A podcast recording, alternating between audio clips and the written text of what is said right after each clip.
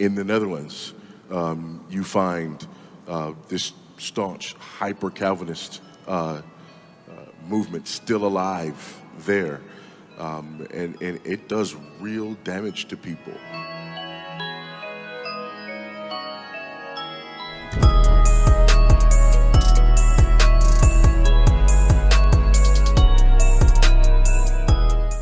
Um, these churches where they serve the Lord's Supper and, and maybe 10% of the congregation um, and only a few of the elders will come and partake of the Lord's Supper uh, for, for fear of, of uh, you know, not having ascertained rightly their, their salvation and of being arrogant if they would, you know, presume to do so. So, I, uh, yeah, I've, I've, I've run into that and it, it, it's a thing and it's ugly. God zegen allemaal. Vorige week hebben we het gehad over Calvinisme versus Arminianisme. En heb ik uitgelegd wat Calvinisme precies betekent en waar we het over hebben wanneer we spreken over Calvinisme. Maar er is iets vreemds gebeurd met Calvinisme in Nederland en met gereformeerde gemeenten in Nederland. En daar moeten we het over hebben. Want veel gemeenten in Nederland zijn niet alleen maar Calvinistisch in hun theologie, maar zijn hypercalvinistisch uh, in hun theologie, maar met name ook in hun geloofsbeleving in de praktijk van het geloofsleven van alle dag en van de gemeente. Uh, ik heb laten doorschemeren dat ik geloof op basis van schriftgedeelten in Johannes 6, Johannes 8, uh, maar ook Romeinen 8 en 9, uh, Efeze 1 en 2. ik heb laten doorschemeren dat ik geloof dat de Calvinistische kijk op Gods soevereiniteit en hoe dat te verzoenen met de persoonlijke verantwoordelijkheid van de mens, dat ik dat zie als de meer bijbelse visie um, vergeleken met Arminianisme. Um, maar tegelijkertijd valt op dat in Nederland, in de traditionele reformatorische gemeente, er vaak sprake is van een onbijbelse en eigenlijk ook zeer gevaarlijke vorm van hypercalvinisme. Zeg je broeder Chris, wat is eigenlijk het verschil tussen Calvinisme en hypercalvinisme? Dat is nog niet zo eenvoudig te definiëren, maar ik denk dat er verschillende uitingsvormen zijn van hypercalvinisme. Uh, er zijn verschillende definities, maar waar het eigenlijk altijd om gaat, is dat daar waar Calvinisme de soevereiniteit van God benadrukt, maar nog steeds ruimte heeft voor anderzijds de verantwoordelijkheid van de mens, de persoonlijke verantwoordelijkheid van de mens, de wil van de mens, um, en die twee naast elkaar kunnen bestaan, is het bij hypercalvinisme zo dat eigenlijk er zoveel nadruk ligt op de soevereiniteit van God, dat de verantwoordelijkheid van de mens, dat daar eigenlijk geen ruimte meer is. Dat de mens zich volkomen overlevert op een passieve manier aan de soevereiniteit van God. Zodanig dat bepaalde bijbelse geboden genegeerd worden of niet meer gehoorzaamd kunnen worden. Er is dus geen compatibilisme meer tussen Gods soevereiniteit enerzijds en de verantwoordelijkheid van de mens anderzijds. En dat is in normaal Calvinisme wel het geval. Kerkverbanden in Nederland waar je daar echt symptomen van ziet, eh, zijn bijvoorbeeld de Oud-Gergem, maar ook de Gergem in Nederland. Uh, en de meeste Gergem-predikanten zijn beïnvloed door hypercalvinisme. En ik zal een paar fenomenen doorlopen met je die opvallen in die kerkverbanden. Uh, wat je bijvoorbeeld ziet, en dat is echt chockerend voor Calvinisten buiten Nederland, is dat ook al gaan mensen al jaren naar de kerk, dat ze toch nog steeds niet zeker weten of ze wel gered zijn. Uh, er is geen vrede in hun hart. Ze zeggen dingen als: God moet bekering schenken. Och, mocht ik het ooit ontvangen, uh, maar ik heb niet genoeg zondebesef. Maar er komt nooit een moment dat ze het ontvangen, dat ze het aannemen, dat er vrede komt in hun hart. Uh, de cultuur is dat je Christus niet mag aannemen, want dan ben je Arminiaan, dan ben je remonstrant. Christus zomaar aannemen, dat is, ja, dan wordt het iets van de mens, maar dan is het niet iets van God. Dus mensen zijn passief en ze wachten totdat God een keer iets doet. Uh, en dat uit zich vervolgens ook weer bijvoorbeeld in de wijze waarop het avondmaal wordt gevierd. Want er zijn dus heel veel kerken waar minder dan 10% van de kerkgangers deelneemt aan het avondmaal. Uit angst om als hypocriet deel te nemen aan het avondmaal en zo zich te bezondigen aan het lichaam en het bloed van Christus. Dat is echt een heel raar fenomeen, een onbijbels fenomeen. Daar moeten we het straks over hebben. Uh, mensen worden in de prediking aangespoord om meer zondebesef te krijgen, maar er wordt vervolgens geen algemene oproep gedaan tot bekering en geloof in het evangelie. Dus het gaat alsmaar over zondebesef, zondebesef, zondebesef en wat je daar allemaal bij zou moeten voelen en hoe de, hoe, hoe, hoe de last van je zonde op je ziel zou moeten drukken. Maar er komt geen oplossing. Althans, mensen worden niet aangespoord om die oplossing aan te nemen. Mensen worden niet aangespoord om hun geloof te stellen op de Heer Jezus Christus als hun volmaakte verlosser daarvan. Maar er wordt eerder gezegd: Och, mocht je dat ooit bereiken, mocht je dat ooit aannemen, als je voldoende zondebesef hebt, dan zou dat opluchting kunnen brengen. Maar, maar dat is geen bijbelse boodschap. Dat is niet de prediking van het evangelie. In plaats van evangelieprediking zie je dan ook vaak zogenaamde kenmerkenprediking, waarbij er eerder wordt gepredikt over hoe het eruit zou zien als een uitverkorene tot verlossing zou komen. Met zondebesef, met wat voor belevings- en bevindelijke aspecten er allemaal bij zouden zijn. Uh, maar het gaat steeds over hoe dat eruit zou zien. Er is geen imperatief, er is geen gebod aan jou om je te bekeren en tot geloof te komen. Sterker nog, dat wordt ontmoedigd. Mensen zijn dus eigenlijk heel introspectief bezig met wachten tot God iets doet. Maar wat dat iets dan precies betekent, dat is niet duidelijk. Uh, het is een soort bevinding dat de Romeinenbrief als het ware hoofdstuk voor hoofdstuk realiteit wordt voor je ziel. Ze hebben het dan soms ook wel over de vierschaar der conscientie, oftewel de rechtbank van het geweten. Dat het geweten steeds meer gaat ervaren dat je een zondaar bent en dat, uh, dat je een verlosser nodig hebt. Um, maar de Romeinenbrief is één brief. En de Romeinenbrief legt uit dat de Heer Jezus is gestorven voor de zonde der zondaren. En dat jij dat moet aannemen, dat je daarin moet geloven. Dat is een stap die jij moet zetten. Maar dat stuk dat wordt vergeten, dat wordt eigenlijk uitgesteld. Wanneer iemand zich dan eenmaal wel bekeert um, en zijn vertrouwen op Christus stelt en gaat deelnemen aan het avondmaal, in veel van dat soort kerken, dan wordt de persoon in kwestie vervolgens ontmoedigd. Dan komt er een huisbezoek van de dominee of de ouderlingen en dan wordt er eigenlijk impliciet gezegd, zo gemakkelijk gaat dat niet. Um, dan veelal constateren ze in zo'n gesprek dat jouw zondebesef te oppervlakkig is, dat het dieper moet, uh, dat je nog niet voldoende de ellende ervaart van je zondige toestand. En dan wordt er gezegd, ja, we willen je niet van het avondmaal afhouden, maar we willen je er wel afmanen. Uh, dus vermanen om niet weer aan het avondmaal te gaan, want ze twijfelen of dat je wel echt uitverkoren bent. Uh, je bent te snel bij de verlossing, uh, je bent te snel met Christus begonnen. dit zijn volkomen onbijbelse praktijken. Dit, dit, vind je nergens in de Bijbel. Um, en in sommige van dergelijke kerkverbanden wordt ook weinig tot niet geëvangeliseerd, want ja, de uitverkorenen worden toch wel tot Christus getrokken. sterker nog, in sommige kerkverbanden wordt het evangelie pas verkondigd op het moment dat er tekenen zijn van wedergeboorte. Dit zijn allemaal fenomenen die voortvloeien uit hypercalvinisme. Dit is geen bijbels Calvinisme. En internationaal verbazen Calvinisten zich ook over deze fenomenen. Zoals je ziet in deze video. I, I have honestly never met in over 60 years of my life a living, breathing soul who says we should never do evangelism. I have. Yeah, I have too. There's have. there's some I have. nests of hyper Calvinists on. They're- well, those are not Calvinists. Those are just weird ducks. You're right. They're not. Well, they're weird ducks, but yeah, they're You're right. They're they're not legitimate Calvinists. I have uh, run into a number of people, uh, for example, preaching in, in Canada, people who are coming out of the Netherlands Reformed Church, um, where hyper Calvinism still lives today. Um, and, and of course, in the Netherlands, um, you find uh, this staunch hyper Calvinist uh, uh, movement still alive there. Um, and, and it does real damage to people. Um, these churches where they serve the Lord's Supper and, and maybe 10% of the congregation um, and only a few of the elders will come and partake of the Lord's Supper uh, for, for fear of, of uh, you know, not having ascertained rightly their, their salvation and of being arrogant if they would, you know, presume to do so. So, I, uh, yeah, I've, I've, I've run into that, and it, it, it's a thing, and it's ugly.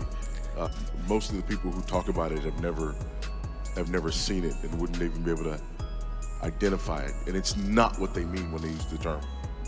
If you find someone who basically says that you should not proclaim the gospel to all men until you examine their lives to see if you see evidences of regeneration. Uh, or the thing that scares me is when I encounter people who have become reformed and then they say, I just must not have been a Christian before. When you start conflating your conversion with your coming to understand the doctrines of grace, those people start scaring me because they're the ones willing to start looking at other people and saying, and since they don't see things the way I see things, I'm starting to wonder whether they're really a Christian or not. Yeah. Ik wil een tweetal citaten voorlezen van mensen die uh, deze wereld van binnenuit kennen. Mensen die die Gergem-gemeenten uh, kennen van binnenuit. Uh, eerste citaat. Je kunt pas zeggen dat je een kind van God bent als God dat persoonlijk aan je ziel heeft geopenbaard. Bouwen op het woord is veel te objectief, te voorwerpelijk en niet onderwerpelijk. Dat is gewoon activistisch zelf iets aannemen, maar een mens kan niets aannemen tenzij het hem van boven gegeven wordt. Die vicieuze cirkel houdt duizenden gevangen, want wanneer, je, want wanneer ervaar je echt wat je zou moeten ervaren om te kunnen zeggen dat je gered bent? Vervolgens wordt de prediking schriftuurlijk bevindelijk genoemd. In de praktijk is dat het beschrijven hoe God een mens bekeert. Wie zich herkent mag zich getroost weten. De imperatief is eruit. Het aanbod van genade is slechts voor de bekommerden. Volkomen onbijbels. Je komt dit niet tegen in het Nieuwe Testament. Dit is niet de manier waarop Paulus het evangelie predikte, lieve mensen. Dit is onbijbels. Tweede citaat. Theologisch kun je er vaak weinig van zeggen, is mijn ervaring, en zullen bepaalde spanningen ook erkend worden. En er zal bijvoorbeeld echt niet gezegd worden dat men kan weten wie uitverkoren is, maar de bevinding is volgens mij boven Gods eigen woord komen te staan. Dat zou ik het grootste probleem noemen. Bevinding is dan de ervaring van Gods kinderen door de eeuwen heen, zoals beschreven in boeken en bekeringsgeschiedenissen en ervaren door de predikant en het select clubje avondmaalgangers. Waar overigens zelfs niet de gehele kerkelijke leiding onder valt, ook een groot probleem wat mij betreft. Dat is niet alleen een groot probleem, dat is dwaasheid. Dat is dwaasheid. Als jij kerkleider bent in zo'n gemeente en je zelf niet eens deelneemt aan het avondmaal, lieve broeder, lieve zuster, lieve leider van de gemeente, stop alsjeblieft met leider zijn in de gemeente, want jij snapt het evangelie niet. Als jij zelf als kerkleider niet deelneemt aan het avondmaal, heb je het evangelie van genade niet begrepen. Ik lees verder. Dit wordt gebruikt als meetlat voor je eigen geestelijk leven. Je vindt troost als je jezelf mag herkennen in de bevinding van anderen, omdat je daarin ziet of vermoedt dat God een werk in je begonnen is. Die troost komt dus meer uit het naast die meetlat leggen dan uit de woorden van God zelf, want je kan die pas toe-eigenen als je die bevindingen herkent. Het feit dat God zijn uitverkorenen heeft, betekent niet dat jij niet het aanbod van genade zou moeten aannemen. Dat is de hele opdracht die het Nieuw Testament ons geeft. Bekeer je en geloof in het evangelie. Geloven in het evangelie betekent per definitie dat je het aanneemt. Dat je zegt, ik geloof dat de Heer Jezus Christus voor mijn zonde is gestorven. Dat is de opdracht. Maar deze theologie maakt dat onmogelijk. Je zou jezelf schuldig moeten voelen als je dat zou zeggen. Dat is geen Calvinisme, dat is hypercalvinisme. We gaan even kijken naar een paar Bijbelteksten. Marcus 1, vers 14 en 15. Nadat Johannes overgeleverd was, ging Jezus naar Galilea en predikte het evangelie van het koninkrijk van God. En hij zei: De tijd is vervuld, het koninkrijk van God is nabijgekomen. Bekeer u en geloof het evangelie. De Heer Jezus predikte aan alle mensen de boodschap van bekering en geloof in het evangelie. En dat zouden wij ook moeten doen. En dat maakt de toehoorder verantwoordelijk wat hij daarmee doet. We gaan niet eerst kijken naar tekenen van wedergeboorte voordat we de opdracht van geloof in het evangelie prediken. Lucas 24, vers 46 en 47. Er staat, hij zei tegen hen, het gaat over de Heer Jezus, zo staat er geschreven, en zo moest de Christus lijden, uit de doden opstaan op de derde dag, en in zijn naam moet onder alle volken bekering en vergeving van zonde gepredikt worden, te beginnen bij Jeruzalem. Onder alle volken moet bekering en vergeving van zonde gepredikt worden. Daarbij wordt er niet eerst gekeken of dat iemand wel of niet uitverkoren is, of dat eh, op de een of andere manier uit te vinden valt, of dat iemand voldoende zondebesef heeft. Nee, je predikt het gebod van bekering en vergeving van zonde aan alle mensen. En sommigen zullen reageren en sommigen niet. Wij weten niet wie er zullen reageren. God weet dat, maar wij weten het niet. Dus het heeft geen invloed op de wijze waarop wij het evangelie prediken aan heel de wereld. Handelingen 2, vers 37, 38. Toen zij dit hoorden, na de toespraak van Petrus op de Pinksterdag, toen ze dit hoorden, werden ze diep in het hart geraakt en zeiden tegen Petrus en de andere apostelen: Wat moeten wij doen, mannen, broeders? Wat moeten wij doen? En Petrus zei tegen hen: Bekeer u en laat ieder van u gedoopt worden in de naam van Jezus Christus tot vergeving van zonde, en u zult de gave van de Heilige Geest ontvangen. Het is heel duidelijk dat de evangelieprediking consequenties heeft voor de toehoorder. De toehoorder zegt: Wat moet ik doen? En Petrus zegt niet: Ach, Wacht maar of dat je genoeg zondebesef hebt. Wacht maar totdat er iets gebeurt in je leven. Nee, Petrus zegt: Jij bent verantwoordelijk om je te bekeren en je te dopen, te laten dopen in de naam van de Heer Jezus Christus tot vergeving van zonde. Dit, dit is gewoon de Bijbelse manier van het evangelie prediken. En de toehoorder bij de prediking van het evangelie, bij het gebod van geloof, bij het gebod van bekering, de toehoorder is verantwoordelijk om daar vervolgens stappen in te zetten. Dat is, dat is prima te verzoenen met Calvinistische theologie en met onze visie op de soevereiniteit van God. Handelingen 17, vers 30. God dan verkondigt met voorbijzien van de tijden van de onwetendheid nu overal aan alle mensen dat zij zich moeten bekeren. Dus de boodschap van bekering gaat zonder onderscheid des persoons over heel de wereld, maar sommigen zullen zich daadwerkelijk bekeren en anderen niet. 1 Korinthe 1, vers 17 en 18. Daar zegt Paulus dit: Want Christus heeft mij niet gezonden om te dopen, maar om het evangelie te verkondigen, niet met wijsheid van woorden, opdat het kruis van Christus zijn inhoud niet verliest.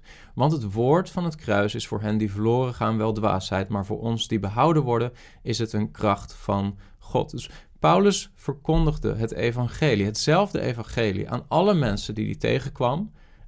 En sommigen verwerpen het als dwaasheid en anderen ontvangen het tot hun behoud. En voor hen blijkt het een kracht van God te zijn. Maar dat betekent niet dat Paulus het evangelie pas predikt als hij tekenen zag van wedergeboorte. Nee. Het evangelie zelf is de kracht van God die wedergeboorte bewerkstelligt. Dus je predikt bekering en geloof in het evangelie aan alle mensen. Je zegt ja, maar als mensen toch uitverkoren zijn, dan heeft het toch geen invloed of dat ik het evangelie nog predik. Ja, maar dan ga je dus ontkennen dat God middelen gebruikt om zijn soevereine wil ten uitvoer te brengen. Dan gaat jouw gehoorzaamheid en jouw hele leven er eigenlijk niet meer toe doen. Dan ga je achterover zitten en denken: ach, God doet het toch wel. Maar dat is geen bijbelse reactie. Dat is geen bijbelse manier van leven. Deuteronomium 29, vers 29, daar staat: De verborgen dingen zijn voor de Heer onze God, maar de geopenbaarde dingen zijn voor ons en onze kinderen tot in eeuwigheid om al de woorden van deze wet te doen. Dus de Bijbel erkent dat God een verborgen wil heeft, God een verborgen kennis heeft. Er zijn dingen die God weet die wij niet weten. En dat betreft voor een belangrijk deel ook Gods verlossingsplan. Wij weten niet wie de uitverkorenen zijn.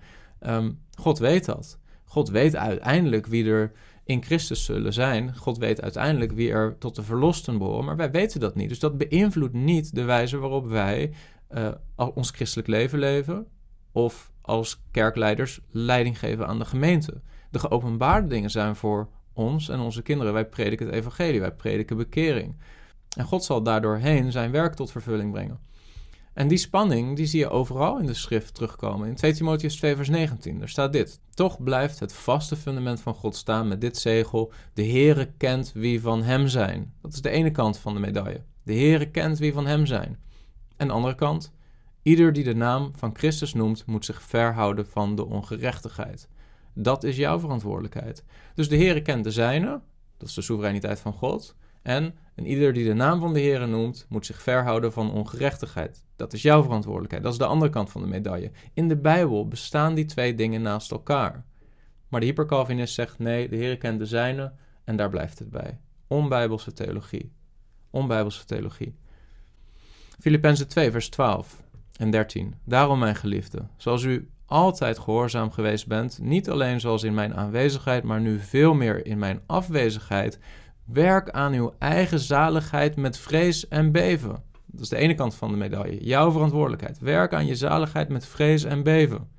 En de andere kant van de medaille, vers 13. Want het is God die in u werkt, zowel het willen als het werken naar zijn welbehagen. Die twee dingen bestaan naast elkaar. Maar de hypercalvinist zegt: nee, het is God die in mij werkt. God moet het doen. Maar dat andere stuk, werk aan uw eigen zaligheid met vrees en beven, ja, dat, dat, dat moet God ook doen. Dat kan ik niet doen. Dit, dit is niet in balans. Dit is geen Calvinisme, dit is hypercalvinisme. Dit is onbijbels. Dit leidt tot schade in jouw geestelijk leven. Wat je dan ook veel tegenkomt, is dat men zegt: uh, Ik neem niet deel aan het avondmaal, want er staat in 1 Korinthe 11, vers 29: Wie op onwaardige wijze eet en drinkt, die eet zichzelf en drinkt zichzelf een oordeel, omdat hij het lichaam van de Heer niet onderscheidt. Ik wil mezelf geen oordeel drinken, dus ik neem niet deel aan het avondmaal. Want misschien hoor ik wel helemaal niet tot de uitverkorenen. Ik heb niet genoeg zondebesef. Er is nog zoveel ongerechtigheid in mijn leven. Ik neem niet deel aan het avondmaal. Er zijn, er zijn kerken waar 250 leden zijn en maar minder dan 25 mensen deelnemen aan het avondmaal. Op basis van een verkeerde uitleg van dit schriftgedeelte. Want wat wil Paulus hier nou zeggen? Is, is dit de boodschap van Paulus? Is, is de boodschap van Paulus in 1 Korinthe 11 dat uh, ja, je pas mag deelnemen aan het avondmaal op het moment dat je zeker weet dat je uitverkoren bent? Of op het moment dat je genoeg zondebesef hebt? Is dat de boodschap? Is dat wat Paulus bedoelt als hij zegt uh, op onwaardige wijze eten of drinken? Is dat wat hij bedoelt met jezelf een oordeel drinken? Nee. Als je de context van dit schriftgedeelte goed bestudeert, dan zie je dat het daar helemaal niks mee te maken heeft. Want Paulus adresseert in zijn brief aan de Korinthe-gemeente een heel specifiek probleem wat daar speelde. En dat begint in vers 20 van hoofdstuk 11. Daar zegt Paulus: Zoals u nu bij elkaar samenkomt, is dat niet het eten van het avondmaal van de Heer. Want bij het eten gebruikt de een van tevoren al zijn eigen avondmaal. En dan heeft de een honger, terwijl de ander dronken is. Hebt u dan geen huizen om er te eten en te drinken? Of minacht u de gemeente van God en beschaamt u hen die niets hebben? Wat moet ik nu zeggen tegen u? Zal ik u hierin prijzen? Ik prijs u niet. Wat er gebeurde in de Korinthe gemeente was dat bij het vieren van het avondmaal sommige mensen zoveel aten dat andere mensen niet konden deelnemen aan het avondmaal. Dus er ontstonden wrijvingen, er ontstond splitsing. Er waren sommigen die hadden te eten en anderen die hadden niets te eten. Terwijl het avondmaal juist als doelstelling heeft om samen door middel van de tekenen van brood en wijn te gedenken dat de Heer Jezus zijn leven heeft gegeven voor de gemeente als geheel. Dus het avondmaal kon niet meer gevierd worden, want sommigen namen vooraf al zoveel eten en drinken dat anderen niets meer hadden en zo kon het hele symbool helemaal niet ten uitvoer worden gebracht. En deze uitleg wordt nog verder ondersteund door de oplossing die Paulus aandraagt in de versen 33 en 34, want daar zegt hij: Daarom, mijn broeders, als u samenkomt om te eten, wacht op elkaar. Ze wachten niet op elkaar in de Korinthe gemeente. De een had al heel veel gegeten en gedronken. En daardoor was er geen eten meer, geen drinken meer voor de ander om nog deel te nemen aan het avondmaal van de Heer. Dus Paulus zegt: wacht op elkaar als u samenkomt. Vers 34, maar als iemand honger heeft, laat hij dan thuis eten, opdat u niet tot een oordeel samenkomt. Dus ga niet naar de gemeente en vervolgens proberen je honger te stillen aan de middelen, de, de, de, de, het brood en de wijn, wat bedoeld is voor het avondmaal. Er was dus een groep mensen in de Korinthe gemeente die het brood en de wijn die bedoeld waren voor het avondmaal zagen als een normale maaltijd. En daarmee uh, onderscheiden zij het lichaam en het bloed van de Heer Jezus niet. En dat is wat wordt bedoeld in vers 27, dat als je op onwaardige wijze het brood en de drinkbeker van de Heer eet en drinkt, dan ben je schuldig aan het lichaam en het bloed van de Heer. Het gaat om de onwaardige wijze. Het gaat erom dat je het lichaam van de Heer niet onderscheidt, vers 29 het lichaam van de Heer niet onderscheiden, betekent dat voor hen niet duidelijk was in hun hoofd dat dat brood symbool stond voor het vlees van de Heer Jezus, het lichaam van de Heer Jezus, en dat die wijn symbool stond voor het bloed van de Heer Jezus. Zij aten het alsof het een normale maaltijd betrof. En daarmee namen zij deel aan het avondmaal op een onwaardige wijze en riepen zij het oordeel van God over zichzelf af. Dit schriftgedeelte heeft dus helemaal niets te maken met het idee dat je moet onderzoeken of dat je wel genoeg zondebesef hebt om deel te nemen aan het avondmaal. Sterker nog, je zou zelfs vanuit dit schriftgedeelte kunnen bepleiten dat in gemeenten waar minder dan 10% van de gemeente deelneemt aan het avondmaal, hetzelfde probleem is ontstaan als in de Korinthe gemeente, alleen op een iets andere manier. Want het hele punt van Paulus is juist dat een deel van de gemeente niet deel kan nemen aan het avondmaal, omdat een ander deel van de gemeente de middelen van het avondmaal al op heeft gegeten en op heeft gedronken.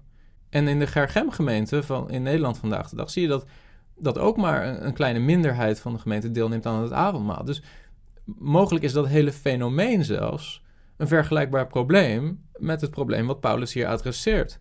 Hoe sommige mensen dit schriftgedeelte verkeerd lezen, is dat ze zeggen: Ik moet mezelf onderzoeken, vers 28, laat ieder mens zichzelf beproeven. En wat onderzoeken ze dan? Of dat ze waardig zijn om deel te nemen aan het avondmaal. Maar niemand is waardig om deel te nemen aan het avondmaal. Dat is het hele punt van het avondmaal. Het hele punt is dat je niet waardig bent en dat je daaraan herinnerd wordt doordat je dat brood tot je neemt en die wijn tot je neemt en daarmee eigenlijk beleidt dat je de Heer Jezus Christus en zijn offer nodig hebt tot rechtvaardiging. Dat is het hele punt van het avondmaal. En dat wordt volkomen teniet gedaan door een theologie en een sfeer in een kerk die eigenlijk zegt: ben je wel waardig genoeg om deel te nemen aan het avondmaal? Niemand is waardig genoeg, lieve broeder, lieve zuster, niemand. Maar het gebod van de schrift is om samen het avondmaal te vieren, om ons eraan te herinneren wat de Heer Jezus heeft gedaan voor ons. En dat moeten we doen op een waardige wijze. En we moeten dat op een bewuste manier doen. Maar er staat hier niet dat je jezelf moet beproeven om eerst te zien of dat je wel genoeg zondebesef hebt. Als jij gelooft dat de Heer Jezus voor jouw zonde aan het kruis is gestorven, dan is de opdracht om deel te nemen aan het avondmaal om dat te gedenken. Ik heb nog één boodschap voor gemeenteleden van dergelijke gemeenten. En ik heb een boodschap voor de leiders van dergelijke gemeenten die verstrikt zijn geraakt in hypercalvinisme. Voor gemeenteleden, wees je ervan bewust dat de houding van God moeten doen, ik kan niet tot Christus komen, God moeten doen, heel veel gelijkenis vertoont met de houding die de Heer Jezus veroordeelt in de gelijkenis van de talenten in Matthäus 25. In Matthäus 25, vers 24 tot 26, er staat: Maar hij die het ene talent ontvangen had. Overigens gaat deze gelijkenis totaal niet over talenten in de zin van het woord talent wat wij vandaag de dag benutten. Het gaat hier over mensen die uh, het evangelie hebben ontvangen, mensen die het woord van God hebben ontvangen en hun rentmeesterschap daaromtrent. En sommigen zullen meer geloof hebben, sommigen zullen meer begrip hebben van de boodschap van het woord van God dan anderen. Maar het punt is, hoe ga je daarmee om? Hoe ga je ermee om dat het evangelie van de Heer Jezus Christus jou is toevertrouwd? En dan staat er over de persoon die één talent heeft ontvangen. Dus dat is een persoon die het evangelie heeft ontvangen. Er staat er, maar hij die het ene talent ontvangen had, kwam ook en zei: Heer, ik wist dat u een streng man bent, omdat u maait waar u niet gezaaid hebt en inzamelt van de plaats waar u niet gestrooid hebt. En ik ben bevreesd weggegaan en heb uw talent verborgen in de grond. Zie, hier hebt u het uwe. Maar zijn heer antwoordde en zei tegen hem: Slechte en luie dienaar, u wist dat ik maai waar ik niet gezaaid heb en van de plaats inzamel waar ik niet gestrooid heb. Zie je, de houding van deze dienstknecht is: Ik was bang, ik weet dat u streng bent, ik wilde niet mijn verantwoordelijkheid nemen uh, vanuit angst. En ik heb het talent verborgen in de grond. Ik heb de boodschap van het evangelie wel ontvangen, maar ik heb er niks mee gedaan, want u bent een streng mens. Dit is wat heel veel gemeenteleden in hypercalvinistische kerken in feite zeggen. Het evangelie komt op hun pad. Er wordt gezegd: bekeer je. Geloof in de Heer Jezus Christus. Dat lezen ze in de schrift. En vervolgens is hun antwoord: U moet mij bekeren. Ik kan niets doen. U moet mij geloof geven. Ik kan niets doen. Weet je wat het antwoord van de Heer zal zijn op die houding? Slechte, luie dienaar. Jij bent een rentmeester van de woorden die God jou geeft. Jij moet je bekeren. Jij moet je geloof stellen op de Heer Jezus Christus. Jij moet op een punt komen dat je zegt: Ik stel mijn geloof voor mijn eeuwig heil op het offer van de Heer Jezus Christus. En dat zal je leven veranderen. Als jij die stap niet zet, ga dan niet God de schuld geven van het feit dat jij lui bent geweest en dat jij niet gehoorzaam bent geweest aan een duidelijk gebod. Dat is mijn boodschap aan christenen of gemeenteleden van Gergem-gemeenten in Nederland. Maar voor de leiders heb ik een beangstigende boodschap. Want de Heer Jezus spreekt hele duidelijke oordelen uit over geestelijk leiders die zelf niet binnengaan in het koninkrijk, maar ook voor anderen de deur dichtzetten. Matthäus 23, vers 13. Daar zegt de Heer Jezus: Maar wee u, schriftgeleerden en fariseeën, huigelaars. Want u sluit het koninkrijk der hemelen voor de mensen. U gaat er immers zelf niet binnen. En hen die er binnen willen gaan, laat u er niet binnen. Als ik hoor van ouderlingen in gemeenten, hypercalvinistische gemeenten, die zelf niet deelnemen aan het avondmaal en vervolgens anderen ontmoedigen om deel te nemen aan het avondmaal dan denk ik aan dit vers. Dit zijn geestelijk blinde mensen. Alsjeblieft, stop met ouderling zijn als je zelf niet deelneemt aan het avondmaal, want je begrijpt niet het evangelie van Jezus Christus. Het gebod van God is: ga het koninkrijk der hemelen binnen. Geloof in het offer van de Heer Jezus Christus. Vertrouw erop dat Hij voor jouw zonde aan het kruis is gestorven. En predik die boodschap aan andere mensen zodat zij ook binnen zullen gaan. En een Calvinist erkent dat door al die dingen heen uiteindelijk God zijn plan volvoert en God zijn uitverkorenen tot zich trekt. Maar laat dat nooit een excuus worden voor jou om passief te zijn of de geboden van God terzijde te schuiven. Ik hoop dat je hier wat aan hebt. Deel dit met mensen waarvan je weet dat ze verstrikt zitten in hypercalvinistisch denken. God zegen. Heb je iets gehad aan deze video? Abonneer je dan op dit kanaal, dan zul je ongeveer wekelijks nieuwe video's aantreffen, waardoor je kunt groeien in je kennis over geloofsverdediging.